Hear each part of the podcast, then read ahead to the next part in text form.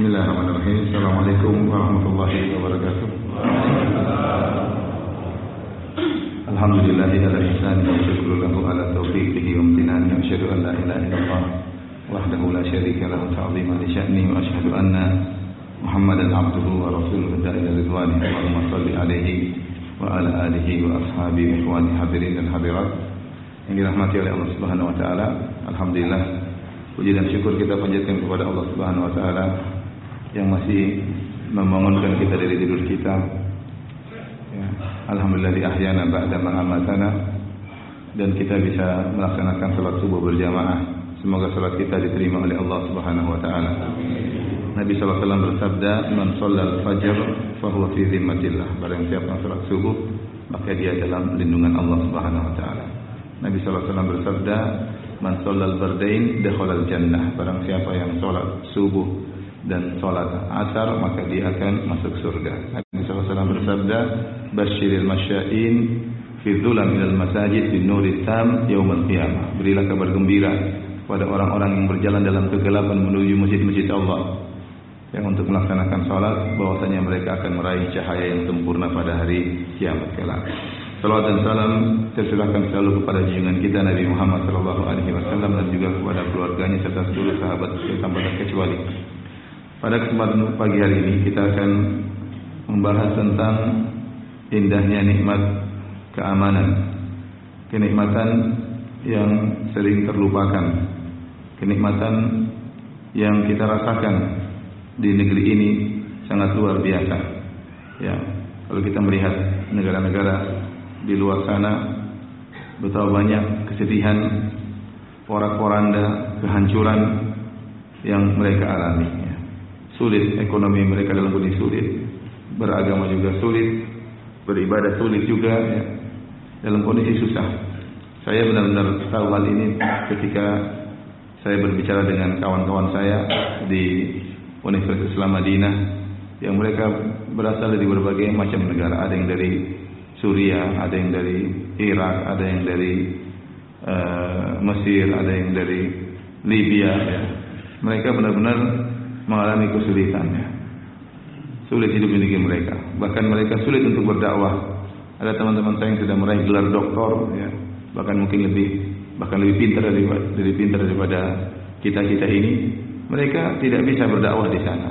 Kenapa? Karena kondisi tidak aman. Kondisi tidak tidak aman. Nah, kenikmatan aman ini di tanah air kita kurang disebut-sebut. Berbeda kalau teman-teman atau kawan-kawan tinggal di misalnya di Arab Saudi, hampir setiap kita mendengarkan dai atau khatib berdoa, mereka selalu berdoa ya Allah ya langgengkanlah nikmat keamanan ini. Itu sering mereka ucapkan. Karena mereka tahu bahawa nikmat aman itu benar-benar penting. Mereka orang-orang Arab Saudi pernah merasa ketakutan tatkala akan diserang dari negara yang lain. Yang mungkin itu sudah lama tidak kita rasakan dan kita tidak ingin rasakan hal tersebut. Ya. Sehingga mereka benar-benar tahu bahawa keamanan itu nikmat yang luar biasa. Kita bayangkan hampir setiap Jumat kita mendengar khatib-khatib berdoa, Ya Allah anugerahkan jagalah keamanan negeri kami dan juga negeri kaum muslimin. Bahkan di antara orang-orang yang selalu mereka doakan adalah tentara dan polisi. Itu didoakan di mimbar-mimbar kalau di Arab Saudi. Karena mereka tahu adalah yang paling di baris terdepan menjaga keamanan adalah tentara dan dan polisi. Itu mereka doakan. Kenapa? Karena mereka benar-benar tahu akan anugerah nikmat keamanan. Para hadirin yang setia subhanahu wa ta'ala.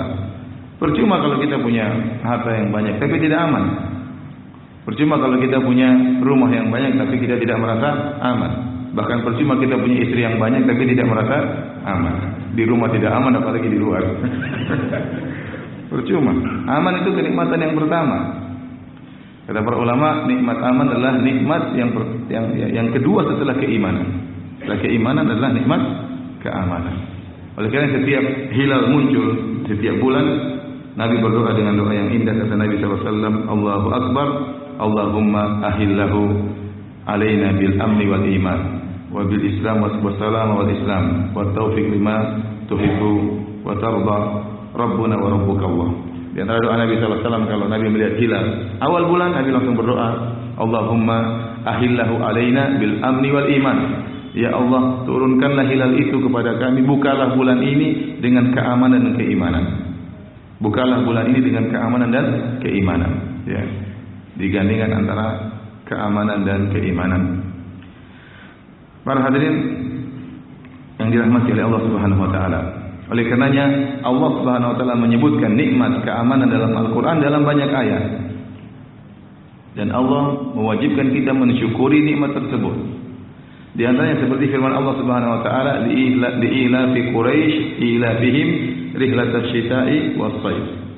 Falyabudu rabb hadzal bait alladhi at'amahum min ju' wa amanahum min khauf. Kata Allah Subhanahu wa taala li ila fi Quraisy ila bihim rihlat asy-syita'i was-sayf kebiasaan orang-orang Quraisy mereka melakukan perdagangan ke negeri Syam dan negeri Yaman di musim panas dan di musim dingin. Kata Allah, "Falyaqudu rabb hadzal bait." Hendaknya mereka menyembah Allah Subhanahu wa taala, pemilik Ka'bah. Kenapa? Allazi at'amahum min ju', yang telah membuat mereka hilang dari rasa lapar, wa amanahum min khauf dan telah membuat mereka aman dari rasa ketakutan. Allah menggandengkan kewajiban untuk beribadah kepada Allah Subhanahu wa taala di antaranya karena nikmat yang Allah berikan wa amanahum min khauf. Allah telah membuat mereka merasa tenteram, merasa aman sehingga mereka tidak merasa ketakutan. Allah ingatkan juga dalam ayat yang lain seperti firman Allah Subhanahu wa taala, "Awalam yarau anna ja'alna haraman amina wa yudkhattafu an-nasu min hawli." Kata Allah Subhanahu wa taala, Tidakkah mereka melihat kami menjadikan kota Mekah ini kota yang aman, tenteram, Sementara di sekeliling kota Mekah orang-orang terjadi pencurian, perampokan, pembunuhan. Allah ingatkan bahwasanya kota Mekah dijadikan aman adalah kenikmatan dari Allah Subhanahu wa taala. Bahkan dalam banyak ayat keimanan, kenikmatan keamanan disebutkan terlebih dahulu daripada kenikmatan rezeki. Daripada kenikmatan rezeki. Di antaranya seperti yang disebutkan oleh Allah dalam doa doa Nabi Ibrahim alaihissalam. Nabi Ibrahim alaihissalam setelah membangun Ka'bah, kemudian dia berdoa kepada penduduk kota Mekah. Doa beliau sebagaimana Allah abadikan wa idqala Ibrahim Rabbi ja'al hadha baladan amina warzuq ahlahu minas samarat. Tatkala Ibrahim berdoa dengan berkata, Ya Rabbku, jadikanlah negeri ini negeri yang aman dan berilah rizki kepada penduduknya. Jadi Nabi Ibrahim minta keamanan sebelum minta rizki. Nabi Ibrahim minta keamanan sebelum minta rizki. Dan ini kata para ulama menunjukkan bahwasanya nikmat keamanan lebih didahulukan daripada nikmat rizki. Bahkan lebih didahulukan daripada nikmat kesehatan. Percuma seorang punya rizki yang banyak, percuma seorang sehat walafiat tetapi dalam kondisi tidak aman, dalam kondisi ketakutan. Oleh karenanya Ar-Razi dalam tafsirnya menyebutkan bahwasanya para ulama mengatakan nikmat keamanan lebih didahulukan daripada nikmat kesehatan dan nikmat rezeki. Dia katakan bayangkan ada seekor kambing yang sakit. Mungkin dia pincang, tetapi kalau kita lepaskan kambing tersebut di padang rumput dia akan mampu makan rumput meskipun makannya tidak sebagaimana kambing-kambing yang sehat. Dia kehilangan nikmat kesehatan tetapi dia masih bisa hidup dengan makan Adapun kalau antum melihat seekor kambing yang sehat walafiat, badannya gemuk ya. Kemudian diikat di depannya, diikat juga serigala ya. Dia susah makan. Kenapa di depan dia ada serigala? Kenapa dia tidak merasa aman? Dia tidak merasa aman. Ya. Percuma jalan-jalan kita punya uang banyak, kita punya mobil banyak, kemudian kita mau ada pasar, ada macam-macam. Tapi kalau nggak ada keamanan, kita nggak bisa menjalankan aktivitas kita dengan dengan baik. Oleh karenanya Allah menyebutkan nikmat keamanan sebelum nikmat rezeki. Contoh lagi dalam ayat yang lain, kata Allah Subhanahu wa taala wa daraballahu matalan qaryatan kanat aminatan mutmainnatan ya'tiha rizquha ragadan min kulli makan. Fakafara bi an'amillah kata Allah Subhanahu wa taala Allah memberi perumpamaan tentang suatu negeri yang aman dan tenteram kanat aminatan mutmainnah. Yang aman dan tenteram ya'tiha rizquha kemudian datang rezeki kepada mereka dari segala penjuru. Di sini Allah sebutkan tentang suatu negeri yang aman dan diberikan rezeki oleh Allah Subhanahu wa taala. Allah mendahulukan penyebutan tentang keamanan sebelum nikmat rezeki. Oleh karena itu Allah menyebutkan tentang ujian juga. Allah sebutkan ujian yang lebih berat adalah ujian tentang hilangnya keamanan. Kata Allah, "Wa lanabluwannakum bi syai'in minal khawfi wal ju'i wa naqsin min ath-thamara min ath-thamarati min al-anfusi was-thamarat." Kata Allah Subhanahu wa taala, sungguh kami akan menguji mereka dengan ketakutan dan kelaparan. Di sini juga Allah menyebutkan tentang hilangnya keamanan baru kemudian rasa lapar. Kenapa? Karena ujian hilangnya keamanan lebih berat daripada ujian berkurangnya rezeki. Ya, ujian hilangnya keamanan lebih berat daripada hilangnya rezeki. Para hadirin yang dirahmati oleh Allah Subhanahu wa taala. Karenanya Islam adalah agama yang benar-benar menjunjung nikmat keamanan dan melarang terjadinya adanya memberi teror atau rasa takut kepada orang lain. Dan dalil-dalil yang menunjukkan akan hal tersebut banyak. Di antaranya seperti firman seperti sabda Nabi sallallahu alaihi wasallam, "La yahillu li muslimin an yurawi'a musliman. Tidak halal bagi seorang muslim untuk menakut-nakuti muslim yang lain. Tidak boleh hukumnya haram. Seorang menakut-nakuti muslim yang lain ya. Ini hukumnya haram secara mutlak. Apapun bentuk pemberian rasa takut tersebut. Bahkan Nabi SAW bersabda, La ya'khudhanna ahadukum mata akhihi la'iban aw jadan.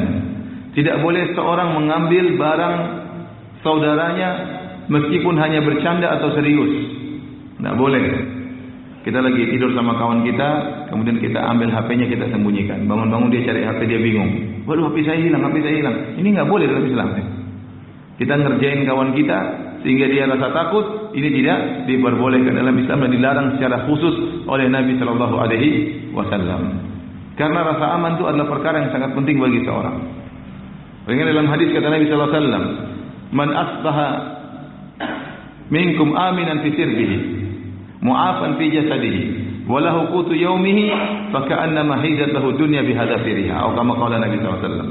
Kata Nabi sallallahu alaihi wasallam barang siapa yang di pagi hari merasa aman di rumahnya tubuhnya sehat dan dia punya makanan untuk hari itu maka seakan-akan dunia telah didatangkan baginya. Di sini juga Nabi mendahulukan nikmat keamanan. Kata Nabi barang siapa yang di pagi hari aman di rumahnya. Baru Nabi sebutkan tentang nikmat kesehatan, mu'afan fi jasadihi, sehat badannya. Walahu qutu yaumi dan dia punya makanan untuk hari itu, maka seakan-akan dia telah meraih dunia. Kenapa? Karena nikmat keamanan dan nikmat yang paling besar dibandingkan kesehatan dan juga nikmat rezeki. Nabi SAW juga bersabda, Al-Muslimu man salima al-muslimuna min lisani wa yadihi. Seorang muslim yang sejati adalah seorang muslim yang kaum muslimin yang lain selamat dari gangguan tangannya dan gangguan lisannya. Kalau ada seorang muslim suka menyakiti orang lain dengan tangannya atau dengan lisannya atau dengan komentarnya, dengan statusnya, maka ini bukan seorang muslim yang sejati. Seorang muslim tidak boleh mengganggu orang lain. Itu muslim yang sejati, baik dengan lisannya maupun dengan tangannya. Baru disebut dengan al-muslim al-haqiqi, muslim yang sejati. Nabi SAW juga melarang seorang mengganggu tetangganya. Kata Nabi SAW, Wallahi la yu'min, Wallahi la yu'min, Wallahi la yu'min. Demi Allah tidak beriman. Demi Allah tidak beriman. Demi Allah tidak beriman. Man hum ya Rasulullah? Man huwa ya Rasulullah? Siapa itu yang tidak beriman? Kata Nabi SAW, Man lam ya'man jaruhu bawa'iqahu. Yaitu seorang yang tetangganya tidak merasa aman darinya. Bahkan mengganggu tetangga juga tidak tidak boleh. Segala bentuk gangguan tidak boleh keluar dari seorang muslim karena gangguan tersebut akan menghilangkan ketentraman dan keamanan dari dari orang lain dan ini hukumnya haram dalam Islam. Jangankan berkaitan dengan sesama muslim. Bahkan bersama non muslim tidak boleh kita menzalimi non muslim. Orang kafir ya, kalau bukan kafir harbi maka tidak boleh kita menzaliminya. Ini sering saya ingatkan bahwasanya kafir ada empat. Yang pertama yang boleh dibunuh dan boleh dirampas hartanya kafir harbi, itu orang kafir yang berperang melawan kita. Tidak apa-apa kalau dalam kondisi perang. Kalau kita enggak bunuh dia, dia yang bunuh kita. Kita boleh bunuh dia, halal darahnya, kita boleh ambil hartanya. Tetapi kafir-kafir yang lain tidak boleh. Tiga kafir yang lain. Seperti kafir zimmi, itu orang kafir yang tinggal di negeri muslim. Kemudian dia membayar jizyah kepada pemerintah muslim. Yang kedua namanya kafir mu'ahad. Kafir mu'ahad adalah orang kafir yang tinggal di negara kafir namun antara negara kafir tersebut dengan negara kita ada perjanjian damai. Ini juga tidak boleh ditolimi tidak boleh diganggu ya. kenapa? Karena negara kita punya perjanjian damai dengan negaranya. Kemudian kafir musta'man kafir musta'man itu orang kafir yang negara kita dengan negara dia telah sedang berperang. Tetapi dia minta pengamanan untuk masuk di negara kita dan kita beri pengamanan. Maka tidak boleh kita berkhianat dengan melanggar janji tersebut. Saya ulang tidak semua orang kafir halal darahnya. Dan tidak semua orang kafir halal hartanya. Yang halal hartanya dan halal darahnya cuma satu kafir harbi. Kafir yang sedang berperang melawan kita. Dan tidak ada yang mengingkari kalau dalam perang kita membunuh orang. Karena kalau kita tidak membunuh kita yang dibunuh. Tetapi kebanyakan orang kafir sekarang yang sedang kita berinteraksi dengan mereka terutama di negara kita bukan kafir harbi. Bukan kafir harbi ya. oleh karenanya tidak boleh seorang mendolimi orang kafir apalagi membunuh orang kafir. Nabi SAW bersabda, Man qatala mu'ahadan lam yarah ra'ihatal jannah. Barang siapa yang membunuh kafir mu'ahad, itu kafir yang punya perjanjian damai. Ya, maka dia tidak akan mencium bau surga. Dia tidak akan mencium bau surga. Ini ancaman yang berat bagi orang yang membunuh orang kafir. Dalam hadis yang lain juga Nabi SAW bersabda, ala man zalama muahadan. Ketahuilah barang siapa yang menzalimi orang kafir yang perjanjian damai dengan kita. Aw intaqahu atau merendahkannya. Aw kallafahu fawqa taqatihi. Atau membebani dia di luar kemampuannya. Ya, misalnya seorang kafir tinggal di negara Islam kemudian dia menjadi anak buah kita kemudian dia uh, jadi pegawai kita terus kita suruh dia kerja lebih berat tidak mampu dia lakukan Nabi melarang. Al akhadha minhu syai'an bi ghairi tibi nafsin. Atau kita mengambil hartanya tanpa dia ridhai, fa ana hajijuhu yaumal qiyamah, maka aku akan yang mendebat orang ini pada hari kiamat. Aku akan membela dia pada hari kiamat. Hadis ini riwayat Abu Dawud. Ya. Yang menunjukkan bahawa segala bentuk kezaliman, segala bentuk menghilangkan keamanan, ya tidak diperbolehkan, tidak diperbolehkan. Jangankan manusia, bahkan hewan tidak boleh kita takut-takutin ya. Ada kucing kemudian kita takut-takutin, tidak boleh. Ya. Ada kambing kemudian kita bawa pisau depan kambing, kambing kita takutan gemetar, tidak boleh. Itu hewan, apalagi manusia, ya. tidak boleh. Tidak boleh. Jangankan muslim, bahkan non-muslim saja tidak boleh kita takut-takutin, kita hilangkan rasa aman dari dirinya kalau tidak ada hal yang membolehkan melakukan hal tersebut. Kenapa para hadirin yang telah subhanahu wa ta'ala? Karena nikmat aman. Kalau ada nikmat aman maka banyak hal yang bisa kita lakukan. Kita beribadah butuh nikmat aman. Kalau tidak ada nikmat aman susah kita beribadah. Coba kita Idul Fitri, Idul Fitri kita sholat Idul Fitri tentram, tenang. Di lain negeri mereka Idul Fitri dengan mendengar suara bom, suara tembakan gimana? Kita sekarang alhamdulillah salat lima waktu tenang, tenteram. Di tempat lain susah mereka salat lima lima waktu. Kenapa? Karena suara tembakan, suara bom dan yang lainnya. Tidak ada rasa ketenteraman. Saya punya kawan S3 doktor dia di Libya. Dia bingung, saya tanya kamu enggak pulang Waduh, saya bingung saya pulang Firanda. Saya di sana kalau saya pulang ke Libya saya tidak tahu tiba-tiba saya dibunuh, kenapa saya dibunuh pun saya tidak tahu. Kenapa? Karena ada dualisme kepimpinan di sana. Sampai sekarang keamanan hilang. Terjadi perang di antara kabilah, bunuh-bunuhan di antara mereka. Susah kalau sudah tidak ada keamanan, mau dakwah juga susah. Ya. Lihat di Yaman, dahulu banyak orang belajar agama di sana. Sekarang pada pulang, banyak yang pulang. Kenapa? Karena tidak ada ketentraman. Bagaimana mau belajar? Mau belajar di pondok dengar suara tembakan, dengan suara dengar suara bom yang lainnya, tidak aman, tidak tentram. Dalam Al-Quran disebutkan bahwasanya ibadah butuh dengan keamanan.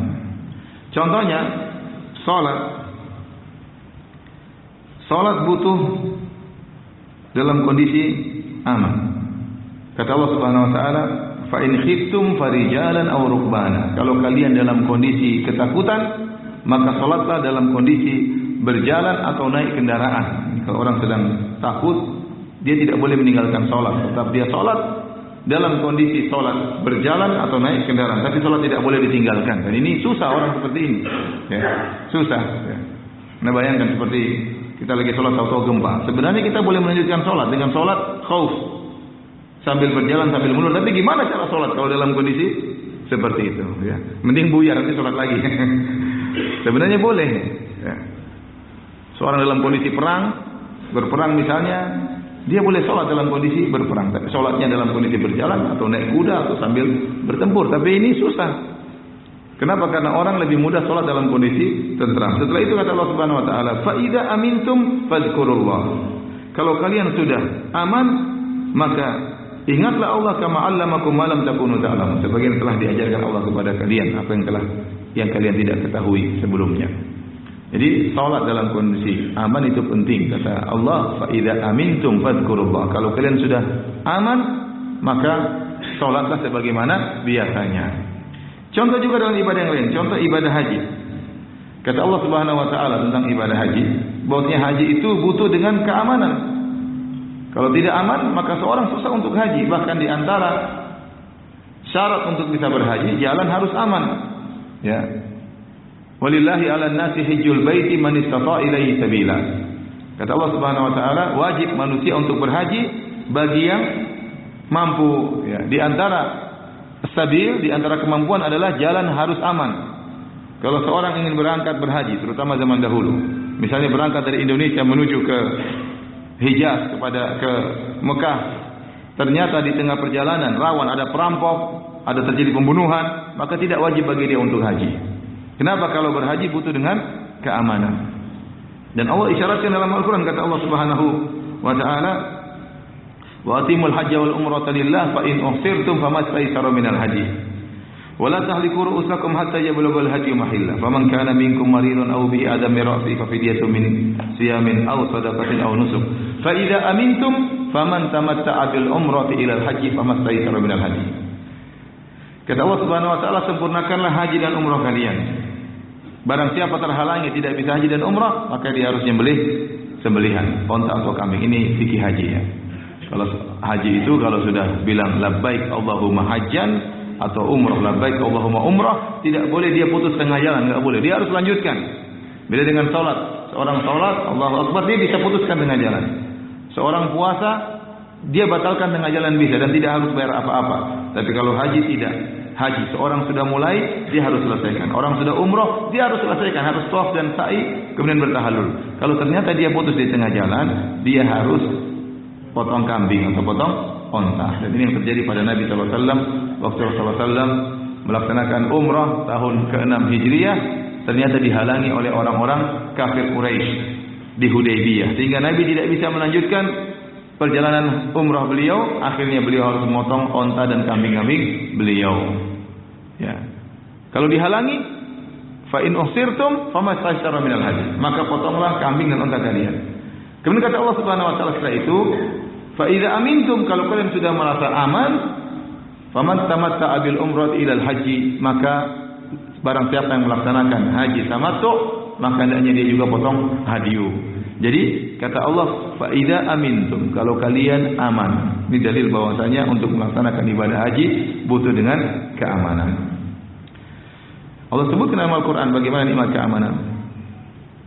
Contoh lagi, kita berdakwah juga butuh nikmat keamanan. Kalau tidak ada keamanan bagaimana berdakwah?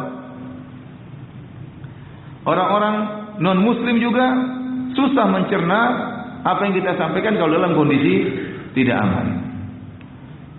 Karenanya Allah Subhanahu wa taala menyebutkan tentang hal ini seperti dalam firman Allah wa in ahadun minal musyrikin tajaraka fa ajirhu hatta yasma' kalam Allah thumma ablighu ma'mana. Kalau ada seorang musyrik minta perlindungan darimu maka berilah perlindungan kepadanya. Hatta yasma' kalam Allah sampai dia bisa mendengar firman Allah. Kalau dia merasa aman dia bisa mencerna Al-Qur'an dengan baik. Kalau tidak merasa aman bagaimana dia bisa mencerna dakwah dengan baik? Summa ablighu ma'mana kemudian kembalikan dia kepada tempat yang aman. Di sini isyarat dari Allah bahwasanya untuk bisa menerima dakwah dengan baik butuh keamanan. Bagaimana pengaruh aman dengan tidak aman dalam diterimanya dakwah? Lihat perjanjian Hudaybiyah. Rasulullah SAW berdakwah 13 tahun di kota Mekah dalam kondisi tidak aman. Setelah itu Rasulullah SAW berdakwah lagi 6 tahun di kota Madinah dalam kondisi terjadi perang sini berganti, perang Badar, perang Uhud, perang Khandaq. Tatkala perang Khandaq tahun 5 Hijriah, pasukan kaum muslimin cuma 2000 orang. Sekitar 2000 orang. Tetapi tatkala terjadi terjadi perjanjian Hudaybiyah pada tahun 6 Hijriah. Waktu tadi Nabi SAW berumrah dihadang oleh orang-orang musyrikin. Sehingga kemudian terjadi perjanjian Hudaybiyah, tanda tangan antara Nabi dengan orang musyrikin, di antaranya gencatan senjata. Nabi harus balik dan boleh umrah tahun depan dan terjadi kejahatan senjata selama 10 tahun. Kemudian terjadilah perjanjian Hudaybiyah sehingga orang musyrikin boleh main ke Madinah, orang Islam boleh main ke Mekah, boleh ngobrol, boleh berdagang sebagaimana sedia kala, ya, karena ada gencatan senjata. Kemudian pada tahun 8 Hijriah ternyata orang-orang musyrikin Quraisy melanggar perjanjian. Mereka menyerang kabilah yang merupakan punya persekutuan dengan orang-orang Islam. Mereka melakukan pelanggaran. Sehingga akhirnya, tatkala orang-orang kafir Quraisy melakukan pelanggaran, maka Nabi SAW datang dengan pasukan untuk memberi pelajaran kepada mereka, menyerang mereka dengan suatu peristiwa yang disebut dengan Fatu Makkah pada tahun 8 Hijriah.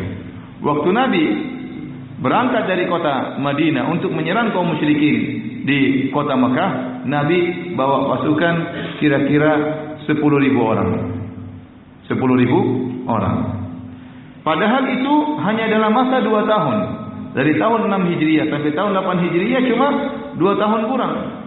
Ternyata perkembangan Islam dari 2000 menjadi 10 ribu, sekitar 8 ribu orang masuk masuk Islam. Kapan orang banyak masuk Islam?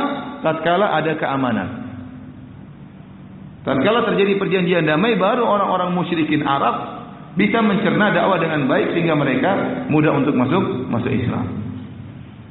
Jadi itu yang terjadi sekarang di negara-negara non-Muslim. Tiap tahun kita mendengar orang-orang masuk Islam.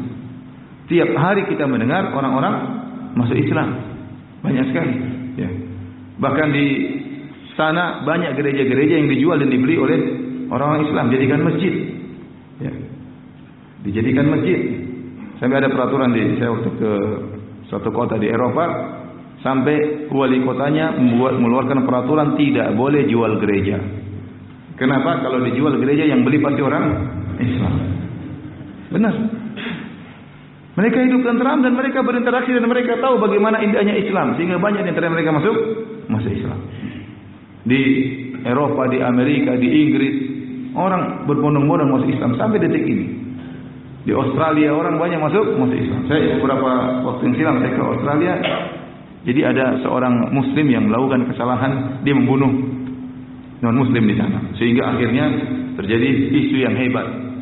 Sampai orang-orang non muslim di sana melakukan demo secara nasional.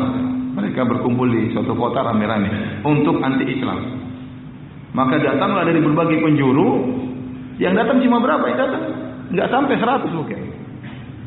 Kemudian hari berikutnya atau beberapa waktu berikutnya datang non muslim membela Islam. Lebih banyak daripada yang anti Islam.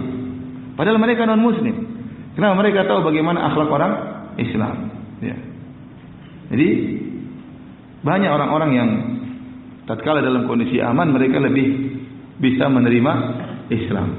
Kalau ternyata kondisi dalam kondisi tidak aman, bagaimana kita berdakwah? Ya. Saya cerita sebagaimana saya cerita kemarin ya ada ada kawan yang lama tinggal di Amerika ya. Dia cerita belasan tahun yang lalu Ustaz. Kalau kita mau sholat Jumat, datang polisi Amerika, kemudian bawa alat hitung. Pokoknya ada yang masuk hitung satu, dua. Ya. Bukan malaikat yang catat, bukan. dia hitung orang yang masuk di masjid. Kalau sudah 300, dia tutup masjid. Tidak boleh lagi. Tidak boleh. Dia larang orang pergi masuk masjid. Lebih 300 suruh buya, cari masjid yang lain. Itu hari Jumat. Kata dia sekarang tidak ada lagi polisi yang hitung-hitung. Sekarang orang Islam tutup jalan sholat Jumat. Banyak masuk Islam, banyak. Antum kalau ke Sydney sana namanya kota Lakemba, itu semua orang Islam situ. Semua orang orang Islam. Kita lihat wanita berjilbab, wanita bercadar itu di negara kafir.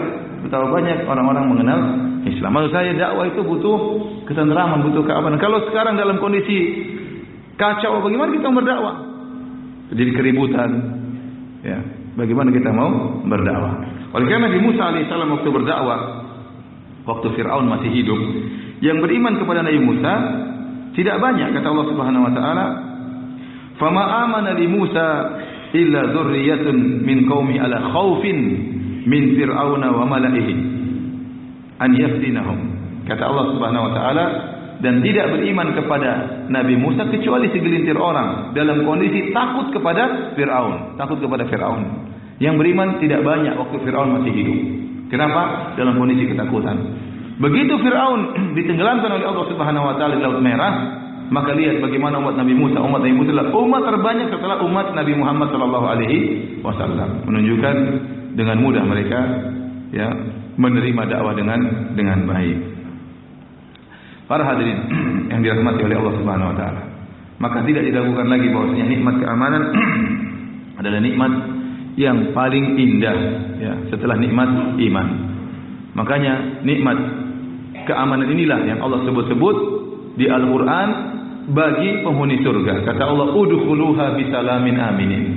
Masuklah kalian ke dalam surga dengan penuh keselamatan dan penuh keamanan. Kalau percuma di surga ternyata ada rasa takut, apa fungsinya kita masuk surga? Masuk surga masih takut sama tetangga, masih takut sama istri, percuma.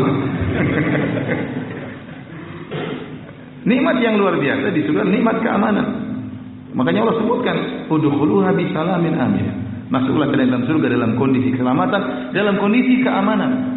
Adapun kalau orang tidak aman, sungguhnya dia kurang kurang bahagia, gelisah, gelisah. Ya, saya punya kawan tukang pijit seorang gubernur di Saudi Arabia. Dia cerita Ustaz, waktu terjadi teroris, penyerangan teroris di salah satu kota di kota kota di Arab Saudi, ditembak-tembakan. Itu gubernur Ustaz Amir kata kawan saya ini, tiga hari nggak bisa tidur. Yang tukang pijitnya tidur aja. Jadi meskipun dia gubernur, meskipun dia kaya, meskipun dia istrinya banyak, kalau sudah nggak ada keamanan, sudah dia gelisah, nggak bisa tidur. Zaman ini sangat penting, jangan kita sepelekan. Karenanya kita harus tatkala kita paham bahwasanya keamanan nikmat anugerah dari Allah yang luar biasa, harus kita syukuri dan harus kita bentuk nikmat keamanan ini. Kita jaga nikmat keamanan ini. Dan ingat nikmat keamanan ini adalah kewajiban setiap orang. Kewajiban setiap orang. Bukan hanya kewajiban polisi dan tentara. Tetapi kewajiban setiap muslim. Karena ini adalah matlabun syar'i. Ini adalah tujuan syariat. Agar kita menciptakan keamanan dan menjaga keamanan. Jangan sampai kita punya andil dalam menghilangkan keamanan tersebut. Dalam bentuk apapun. Jangan bikin gelisah orang. Saya katakan tadi, jangan kita mengganggu orang. Kita mengganggu orang dengan lisan, mengganggu orang dengan tangan. Kita mengganggu orang dengan status aja, bikin orang takut, tidak boleh. Ya. Buat berita-berita hoax misalnya bikin orang ketakutan, bikin orang gelisah, ini tidak boleh mengganggu keamanan mereka, tidak boleh.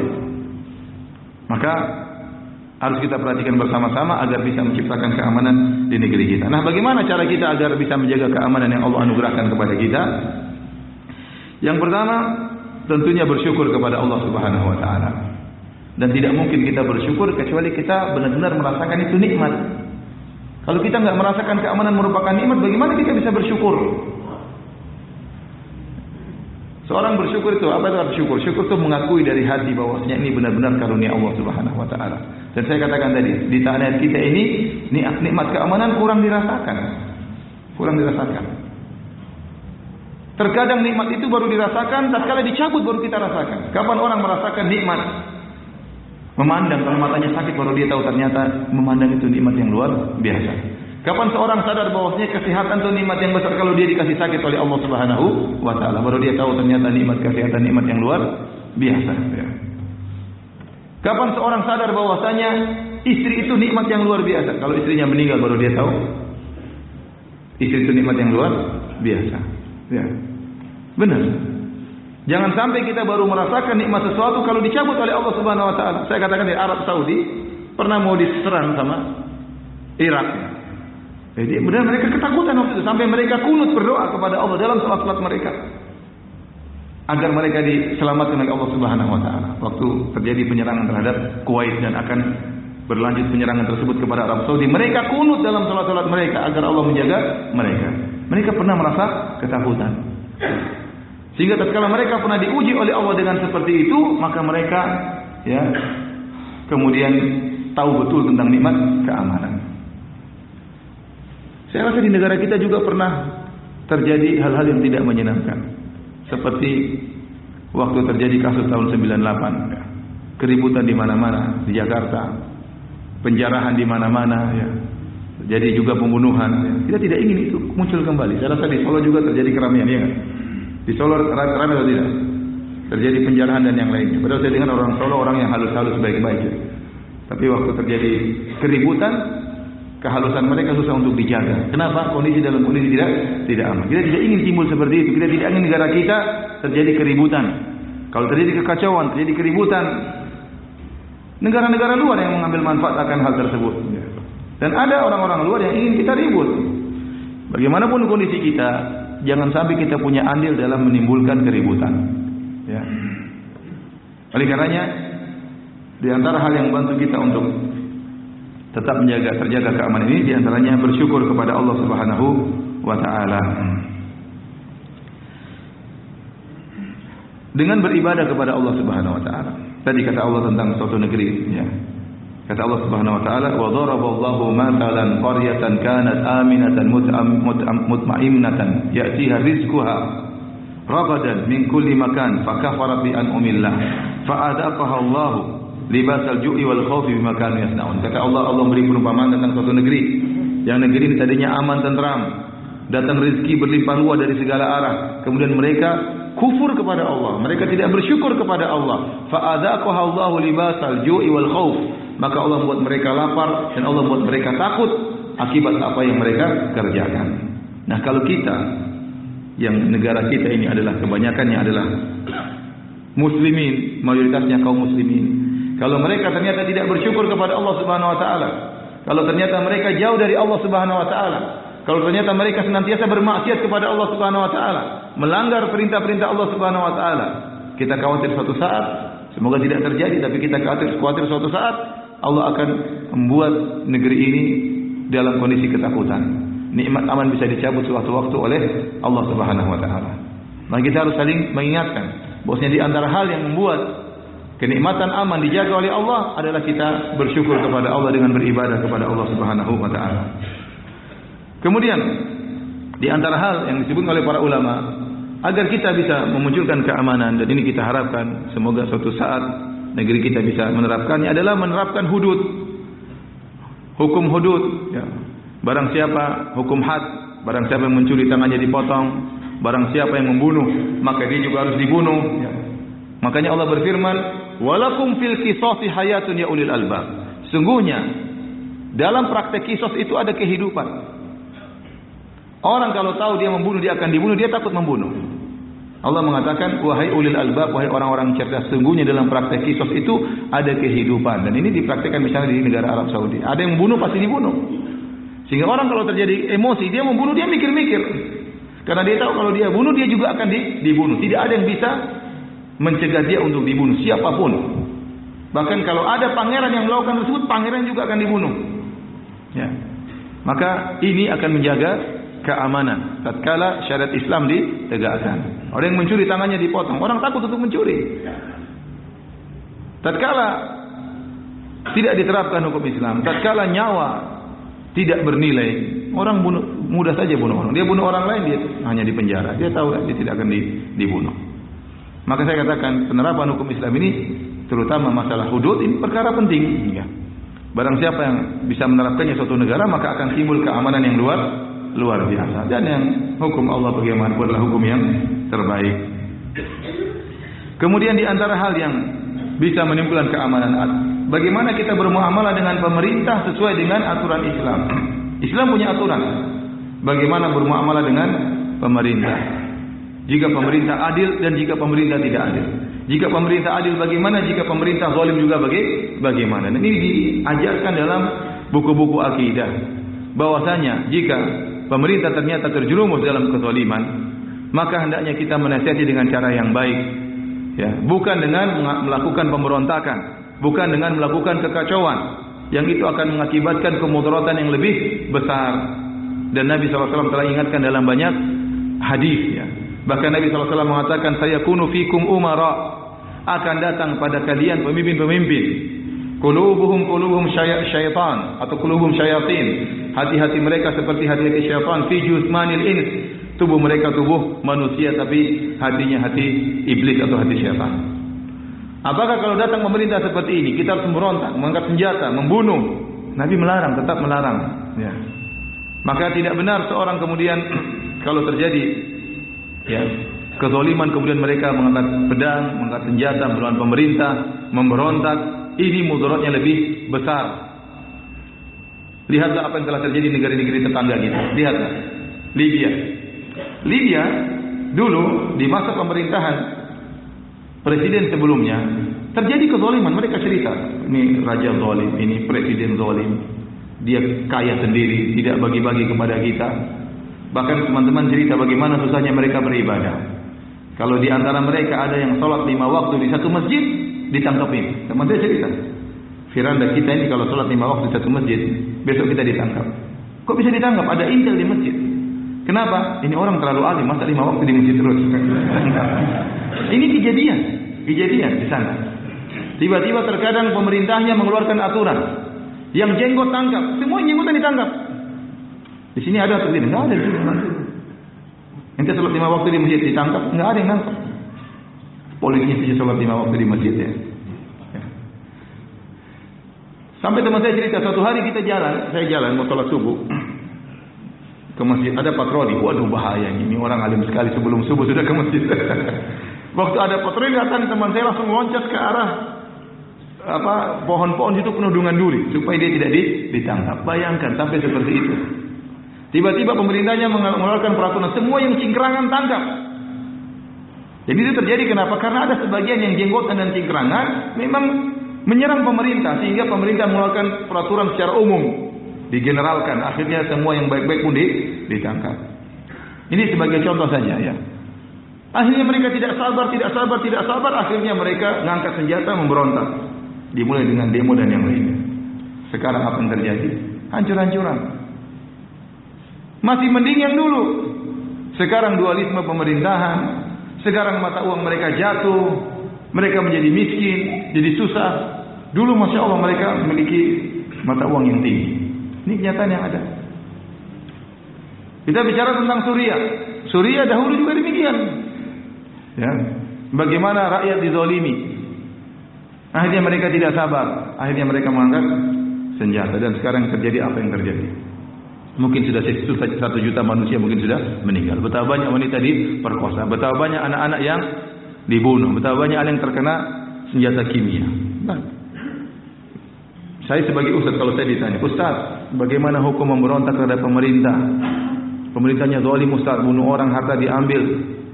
Terus kalau kamu berontak, apa akibatnya? Pemberontakan mungkin kita akan mati satu juta orang. Kira-kira saya jawab apa? Maju atau tidak? Saya pasti bilang jangan sabar. Dan itu yang difatwakan oleh para ulama waktu mereka ditanya tentang kasus Suriah. Tidak ada ulama besar, ulama senior yang memfatwakan, ayo maju bunuh serang tidak tidak ada. Muncul ulama-ulama muda yang semangat. Ayo lawan, lawan, luapkan emosimu. Akhirnya setelah meninggal satu juta orang, ini ulama-ulama muda semuanya diam. Karena menghadapi permasalahan bukan cuma dengan semangat. Lihat situasi dan kondisi. Lihat aturan dalam dalam Islam bagaimana. Ya, dan itu terjadi di negara-negara yang lain. Baik di Yaman, baik di Mesir, baik di Irak. Maka saya katakan di antara hal yang membantu kita menjaga keamanan jalankan sunnah Nabi sallallahu alaihi wasallam. Bagaimana kita bermuamalah dengan seandainya pemerintah kita zalim pun kita harus menempuh jalur yang benar untuk menasihati mereka bukan dengan mengusung senjata memberontak yang akhirnya menimbulkan kemudaratan yang lebih besar. Kebaikan yang kita harapkan ternyata tidak kita dapatkan bahkan kerusakan yang kita dapatkan. Ekonomi semakin hancur, darah semakin tertumpah, kemaslahatan tidak ada, orang Islam dikejar-kejar, para dai ditangkap-tangkapin, apakah itu yang Anda inginkan? Ya. Oleh karenanya kita harus ingat bahwasanya nikmat keamanan negeri kita ini sangat luar biasa. Kita harus bahu-bahu menjaganya. Apa pun terjadi kondisinya, jaga keamanan. Ya. Kalau ada kesalahan, maka perbaiki kesalahan tersebut dengan cara cara yang baik. Dan yang terakhir para hadirin yang dirahmati Allah Subhanahu wa taala dengan banyak berdoa agar Allah Subhanahu wa taala menganugerahkan keimanan bagi bagi kita kita semua ya. Demikian saja para hadirin sedikit yang saya sampaikan pada kesempatan kali ini. Mungkin masih ada waktu kalau ada yang bertanya saya persilahkan. Wallahu taala alam bisawab.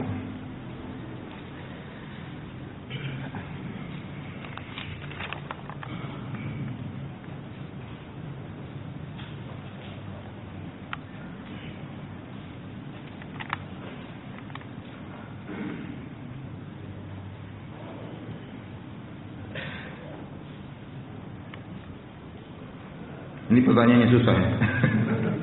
Dia bertanya, Ustaz, apakah nama sebuah desa atau kota negara mempunyai pengaruh kepada keamanan dan keberkahan desa kota tersebut? Saya tinggal di desa yang nama desanya Sumber Dukun.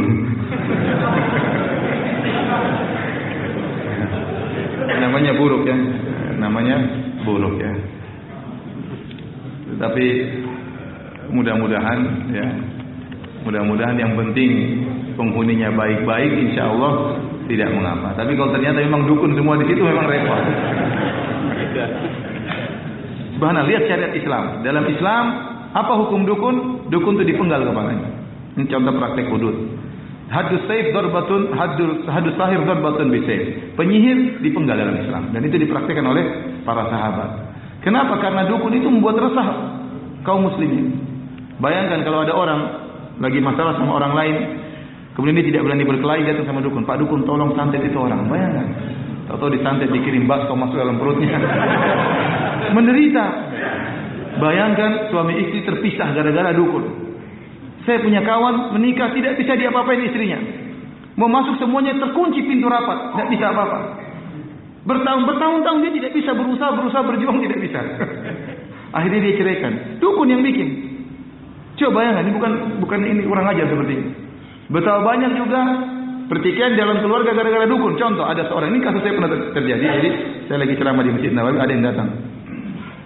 Dia cerita, Ustaz, saya ini pernah dituduh mencuri.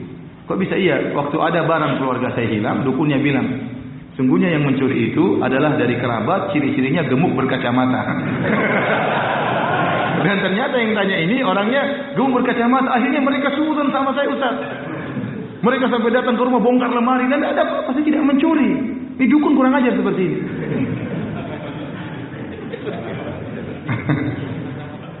Makanya dukun itu menghilangkan keamanan orang. Orang ketakutan.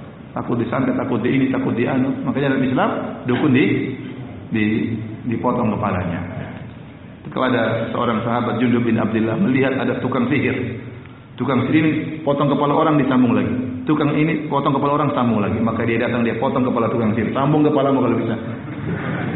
Jadi mau saya ya, ini nama desa nama yang buruk. Sumber apa? Dukun. Ya. tapi semua dukun haram kecuali dukun melahirkan.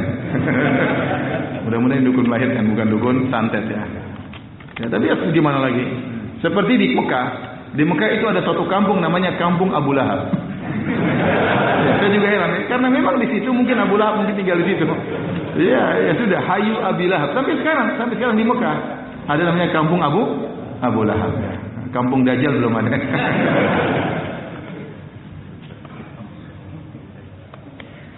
Ustaz bagaimana sikap kita jika kita sudah mengingatkan pemimpin dan pemimpin itu belum mau menerimanya? Sudah antum sudah menjalankan kewajiban antum. Ya akhi, ya. Masing-masing orang menjalankan kewajibannya. Di luar kemampuannya la yukallifullahu nafsan illa wus'aha. Allah tidak memberi luar kemampuannya. Tugas antum apa? Antum kejawaban apa? Menyampaikan nasihat kepada pemerintah. Dia dengar alhamdulillah kalau enggak antara dia dengan Allah Subhanahu wa taala. Sering kita suudzon. Ah, oh, ini pemerintah enggak mungkin. Tapi coba antum belum coba, coba antum nasihati.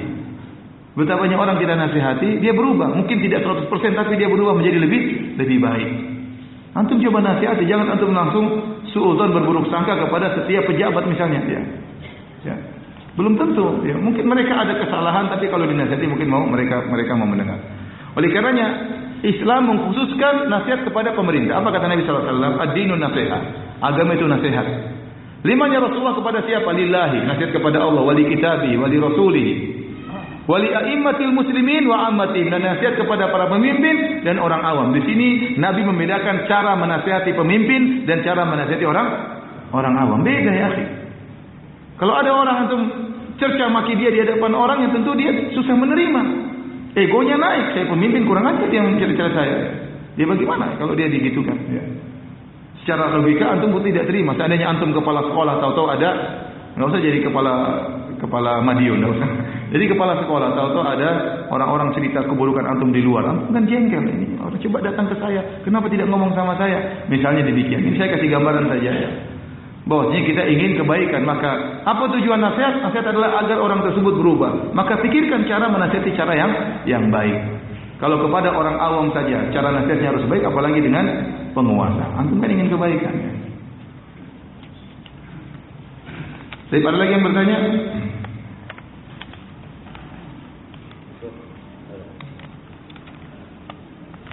Ada yang bertanya? Jangan karena ada polisi takut bertanya. Tanya aja nah. ada Pak Wali Kota terpilih jadi takut bertanya. Silakan. Masalah sekarang ganti presiden apa termasuk urusan keamanan?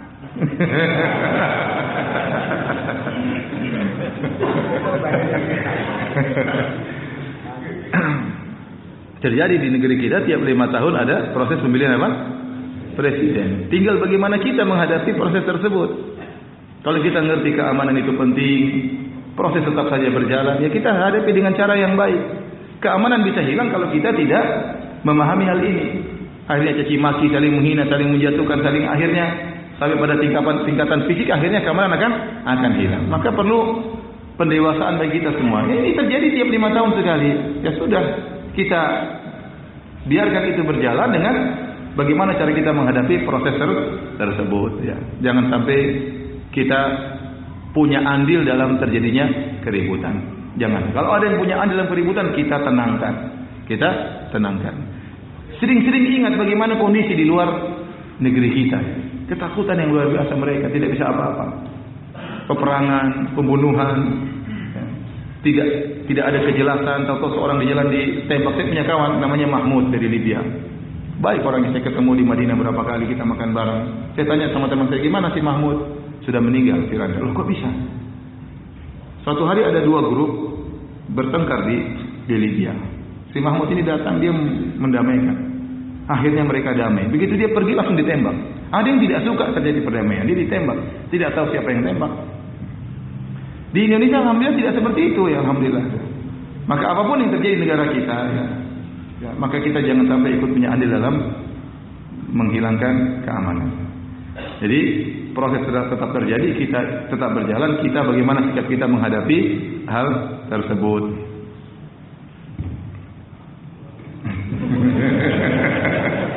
Terus maksudnya gimana? Tidak usah aja, gagalin aja. Ada lagi yang bertanya? Silakan. Kenapa? Kenapa itu? Negeri mana itu? Jadi Allah mengatakan eh, apa namanya? Yati harizku haragadan min kulli makan. Allah tidak menjelaskan nama negeri tersebut. Ya, tapi Allah membuat perumpamaan tentang satu negeri yang aman dan tenteram. Allah berikan rezeki dari segala segala arah. Artinya banyak rezeki yang Allah bukakan. Mungkin dari langit Allah bukakan, dari tanah Allah bukakan, dari ekonomi Allah majukan, banyak hal ya. Dari berbagai macam aspek Allah datangkan rezeki. Selama mereka berbuat ya apa namanya bersyukur kepada Allah Subhanahu wa taala. Adapun model-modelnya Allah tidak sebutkan dalam ayat tersebut. Ada yang bertanya? Silakan.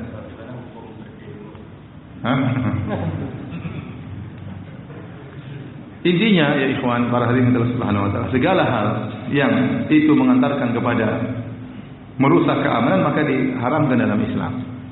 Untuk bayangkan kalau berkumpul ribuan orang tanpa ada pengarahan yang jelas ya. Kemudian orang ribut-ribut. Kemudian polisinya juga jaga sudah mulai stres ya. Kita nggak tahu kalau ada satu saja yang angkat senjata nembak dia jengkel dia. Bisa terjadi apa yang terjadi dan bisa ditunggangi ya. Sangat rawan, sangat rawan. Alhamdulillah di negeri kita tidak sampai demikian. Tapi siapa yang bisa jamin kalau terjadi demikian terus lama-lama bisa terjadi apa yang terjadi? Saya waktu demo 411, saya sangat khawatir sekali. Bahkan saya sampai tidak tidak tidur saya nonton di televisi. Karena itu rawan sampai malam. Orang mungkin lapar, emosi susah untuk ter, terkendali. Ya. Beda kalau cuma datang kemudian sholat Jumat buyar itu masih mending ya. Enggak ada masalah, masih mending. Tapi kalau sampai pergi kemudian demo mengangkat suara di hadapan pemerintah sampai maghrib sampai malam ini sangat rawan. Antum tahu ada kasus ini, kasus di Jakarta Polisi tembak polisi, harus ada. Polisi nembak pimpinannya. Kenapa disuruh-suruh terus dia? Mungkin ada masalah di rumah. Dimarahin sama Polda, polisi dapur di rumah. ya jangan ini polisi pangkatnya masih rendah, Polda di rumah lebih tinggi. Tembak itu polisi. Dan ini terjadi. Polisi manusia. Ustaz juga bisa marah-marah, Ustaz juga bisa stres, apalagi polisi. Bayangkan suruh tugas, suruh apel, suruh ini di bawah terik matahari menjaga sini orang ribut-ribut, maki-maki. Namanya orang, kita nggak tahu. Ada satu saja yang stres polisi atau satu stres tentara, kemudian dia emosi, dia tembak, apa yang terjadi kira-kira? Wah bisa chaos, bahaya. Maka hati-hati. Dan lihat kehancuran di negeri-negeri lain dia, diawali dengan demo. Diawali dengan demo, hati-hati. Ya. Anda ingin melakukan perbaikan, cara yang baik. Saya berbeda kalau cuma sholat Jumat dengan pemerintah, kemudian menasihati pemerintah, nggak ada masalah kalau itu. Yang saya takut itu waktu empat sebelah. Jangan sampai terjadi demikian lagi. Yang empat sebelah itu bahaya sekali. Ya. Ya. Kita tidak ingin terjadi seperti demo 98. Dulu 98 saya paling semangat. Saya bahkan dukung saya dari Papua semangat nonton terus. Ayo demo, demo, demo. Kita menyangka kebaikan akan terjadi. Ternyata lebih parah. Setelah itu kejadian kondisi lebih lebih parah. Ini yang terjadi di negara-negara lain. Lihat di Suriah dimulai dengan apa? Demo. Alhamdulillah kita Indonesia ini orangnya kalem-kalem. Coba yang demo orang Arab hancur. Emosional kemudian bahaya lihat di Suriah. Demo tidak berhenti pada diam-diam saja, berlanjut. Libya bukan demo biasa-biasa, berlanjut dengan penyerangan dengan mereka tidak bisa mengendalikan emosi dan akhirnya terjadi apa yang terjadi. Di Mesir akhir ditembakin. Bayangkan ribuan orang ditembakin. Sudah kita pemerintah tidak seperti itu, masyarakat juga tidak seperti itu. Alhamdulillah masih bisa diajak ngobrol, masih bisa diajak ngomong. Cuma saya khawatir kalau ditunggangin. Saya khawatir kalau ada yang emosi. Ya. Dan kita tidak ingin negara kita hancur. Ya. Tidak ingin negara kita hancur. Oleh karenanya, hati-hati dalam hal tersebut. Ingat segala perkara yang bisa menghilangkan keamanan, maka diharamkan oleh Allah Subhanahu wa taala. Jangan sampai Anda punya andil dalam dalam menghilangkan keamanan tersebut. Akhirnya terjadi pembunuhan, terjadi perajian, terjadi pemerkosaan. Saya waktu itu terjadi kasus di di mana di Jakarta sampai sebagian orang wanita-wanita Cina diperkosa. Saya tahu lupa tahun berapa ya. Tahun berapa itu saya lagi di Madinah waktu itu. Kalau nggak salah 2000, 2000 pokoknya saya lagi di terjadi entah mungkin 98 saya lupa ya. Tapi saya waktu lagi di Madinah saya kuliah, saya ketemu dengan orang-orang Cina Islam, Cina-Cina Muslim yang juga mahasiswa. Ngobrol sama saya, ini Firanda. Ya. Itu apa orang Cina diperkosa di sana? Subhanallah ini orang Muslim, ada fanatik kesukuannya dia membela tetap apa? Saudara-saudaranya meskipun lain agama, karena dia tahu itu nggak benar sampai seperti itu. Sampai ada pelanggaran hak terhadap sebagian orang-orang non muslim ini tidak diperbolehkan. Jadi mulai dengan hal seperti itu. Maka seorang waspada dan hati-hati jangan sampai dia punya andil dalam merusak tatanan stabilitas keamanan di negeri ini. Dan itu dosanya besar ya karena dia membuat orang tidak aman. Makanya saya ingatkan pula untuk masalah ini antum harus serius. Tidak boleh ada ya husnudzon pada seorang. Kalau ada orang antum tahu pemikirannya bahaya dan dia ini ingin negara ini hancur dan ngomongannya selalu kafir kafir togut togut ini hati-hati bahaya dan apa dia apa terjadi? Pengoboman. Ya. Bom datang ke polisi, kemudian polisi di dibom. Ternyata polisi dibunuh. Ya. Sampai saya ketemu dengan polisi di Pekanbaru yang kepalanya dia apa? Dipotong. Saya ketemu polisinya ngaji kok. Masa tahu ngaji? Istrinya bercadar. Ya subhanallah. Apakah setiap orang yang masuk ke pemerintah menjadi togut, presidennya togut, wakil presiden togut, DPR, MPR semuanya togut, bahkan yang jualan es di kantor DPR juga togut. Semuanya togut. Ada polisi namanya togut. ya subhanallah. Ente mudah mengkafirkan orang. Apakah seperti itu diajarkan oleh oleh Islam? Jadi saya ingatkan, tidak boleh seorang mengeluarkan seorang dari Islam. Ini kaidah ya. Saya khawatir di sini ada yang punya pikiran seperti itu. Saya ingatkan. Kaidah dalam Islam, al yakin la yazulu bisyak. Keyakinan tidak bisa dihilangkan dengan keraguan.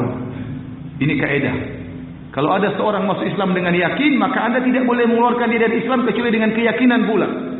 Contoh misalnya dia maki Allah, dia maki Nabi, dia injak Al-Quran. Dia menghina hukum Islam. Nah, ini boleh kita kafirkan. Jadi kalau dia tidak melakukan demikian, dia juga sholat, dia juga haji, dia juga puasa. Anda bilang dia langsung tauhid, langsung kafir. Enggak demikian ya. Hati-hati. Kata Nabi SAW, Mangkola di akhiri ya kafir, pokok ba'a di ahaduhma. Barang saya mengatakan kepada saudaranya, wahai kafir, akan kembali kepadanya. Ini menunjukkan di antara dosa besar, mudah mengkafirkan orang. Jangan jangan sampai anda rajin sholat, rajin beribadah, terus anda kafir kafirkan orang, ternyata orang tersebut tidak kafir. Saya tanya sama antum, orang yang berzina seribu kali, kafir atau tidak? Tidak. Orang yang makan riba, triliunan, apakah kafir atau tidak? Tidak. Tidak mudah kita mengkafirkan orang. Ya. Orang bunuh seribu orang, kafir atau tidak? Tidak, tidak kafir.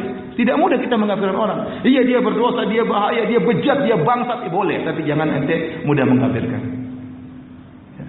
Ada orang kemudian masuk di parlemen langsung antum kafirkan. Bahkan saya fatwa yang aneh saya dengar siapa yang nyoblos kafir subhanallah.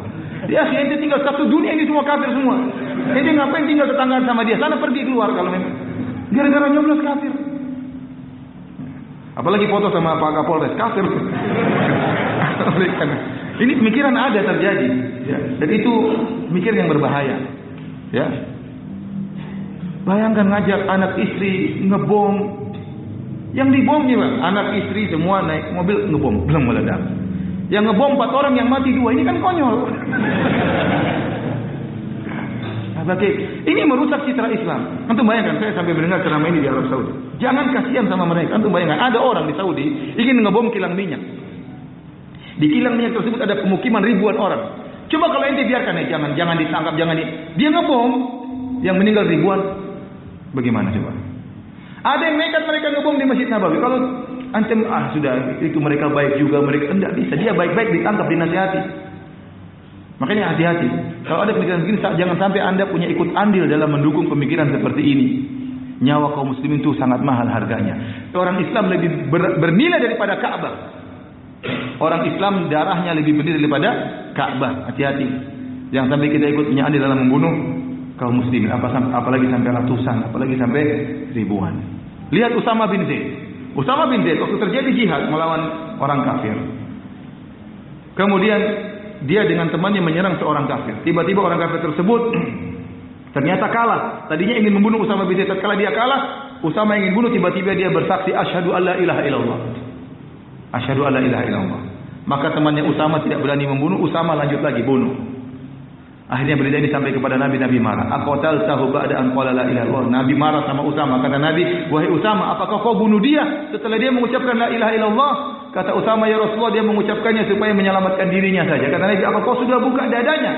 Sehingga kau tahu dia mengucapkannya karena ingin membela, menyelamatkan dirinya. Kau tidak tahu. Kita disuruh untuk menghukum yang zahir.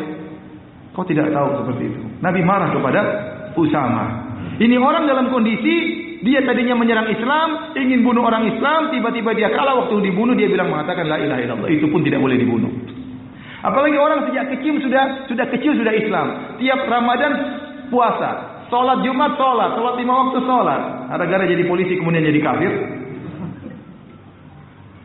Antum bayangkan kalau negeri ini enggak ada polisi, orang bagaimana coba? Mau merampok, membunuh, mau apa? Coba semua orang melanggar lalu lintas semuanya dimati. Coba kira-kira gimana? Hancur ini hancur. Oleh karena para hadirin Subhanahu wa taala jadi renungan bagi kita. Bagaimana Nabi sallallahu alaihi wasallam menyuruh para sahabat untuk berhijrah ke negeri Habasyah. Negeri Habasyah negeri kafir.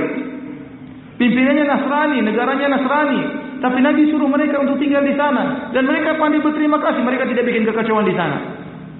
Datang sebagian orang takfiri, mudah mengkafirkan, ada kaum minoritas tinggal di negara kafir dan ini terjadi di Australia. Mereka tinggal di Australia, diberi kenikmatan aman oleh pemerintah Australia yang kafir. Mereka boleh bekerja, Bahkan mereka dikasih santunan kepada orang-orang yang janda. Ada syekh mereka berfatwa boleh bohongin orang-orang kafir. Sehingga sebagian orang wanita muslimah sana ngaku dicerai sama suaminya supaya dapat santunan tiap bulan. Subhanallah. Ini sudah orang kafirnya baik, bohongin orang kafir. Ya enggak boleh seperti ini. Makan harta. Mereka bilang enggak apa-apa dibohongin karena hartanya halal semua. Ya akhi yang halal hartanya, yang halal darahnya orang kafir yang perang sama kita. Kalau enggak enggak boleh. Nabi waktu menyuruh para sahabat berhijrah ke negeri Habasyah, suruh bohongin Najasyi? Tidak. Tidak. Padahal negerinya semua kafir. Lihat Raja Najasyi waktu di negeri tinggal di negerinya. Najasyi raja, orang paling top nomor satu. Dia tidak bisa berhukum dengan hukum Islam. Kenapa dia tidak mampu? Apakah Nabi mengkafirkan dia? Tidak. Justru waktu dia meninggal Nabi solatkan. Padahal dia tidak bisa menjalankan hukum Islam. Tidak bisa sama sekali. Makanya waktu dia meninggal tidak ada yang menyolatkannya. Sehingga Nabi solat goib. Apakah dikatakan kafir? La yukalifullahu nafsan illa wusa. Allah tidak menilai kemampuan. Ada orang mungkin masuk dalam pemerintahan. Dia ingin merubah. Dan di antara bentuk bernahi mungkar adalah menghilangkan kemungkaran secara total atau mengurangi kemungkaran itu termasuk bernahi mungkar. Mungkin ada hukum yang parah yang begini dia rubah menjadi hukum yang lebih baik. Mudah-mudahan dia dapat pahala meskipun itu bukan hukum Allah secara total. Tapi dia sudah berusaha menuju kepada yang lebih lebih baik. Apakah orang tersebut kita caci maki kita kafirkan? Karena hati-hati para hadirin di antara hal yang sangat merusak tatanan stabilitas keamanan adalah pemikiran mudah mengkafirkan. Ya, Orang baru sadar, baru kemudian tadi kemarin masih berzina, minum bir, khamar dipanggil kamu mau tobat, masuk surga, bom di sana, ngebom. Yang parah sampai ngebom di di masjid. Sampai ada masjid tulisan, jangan ngebom di sini, tidak ada bidadari di sini. Karena mikir ngebom langsung masuk, langsung ketemu bidah, bidadari. Dicuci otaknya, akhirnya melakukan apa yang mereka lakukan. Baik, satu pertanyaan lagi terakhir. Baik.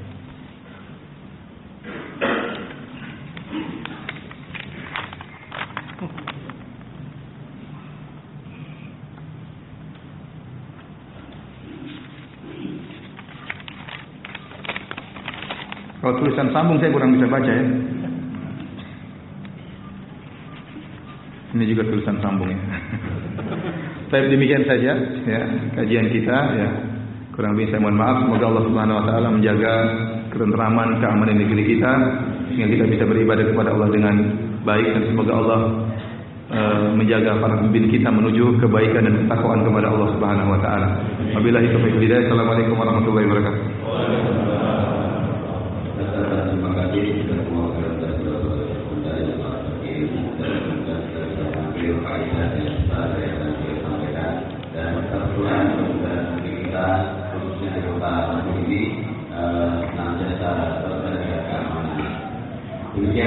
Sekalian uh, mengingatkan kepada para jemaah uh, tahun terakhir uh, Beliau Madiun akan mengisi kajian di Masjid uh, Al-Quwah Lanut Suayudi dengan tema mensyukuri nikmat ukhuwah Islamiyah. Demikian kita akhiri kajian kita dengan beberapa masjid. Subhanallahumma wa bihamdika asyhadu an la ilaha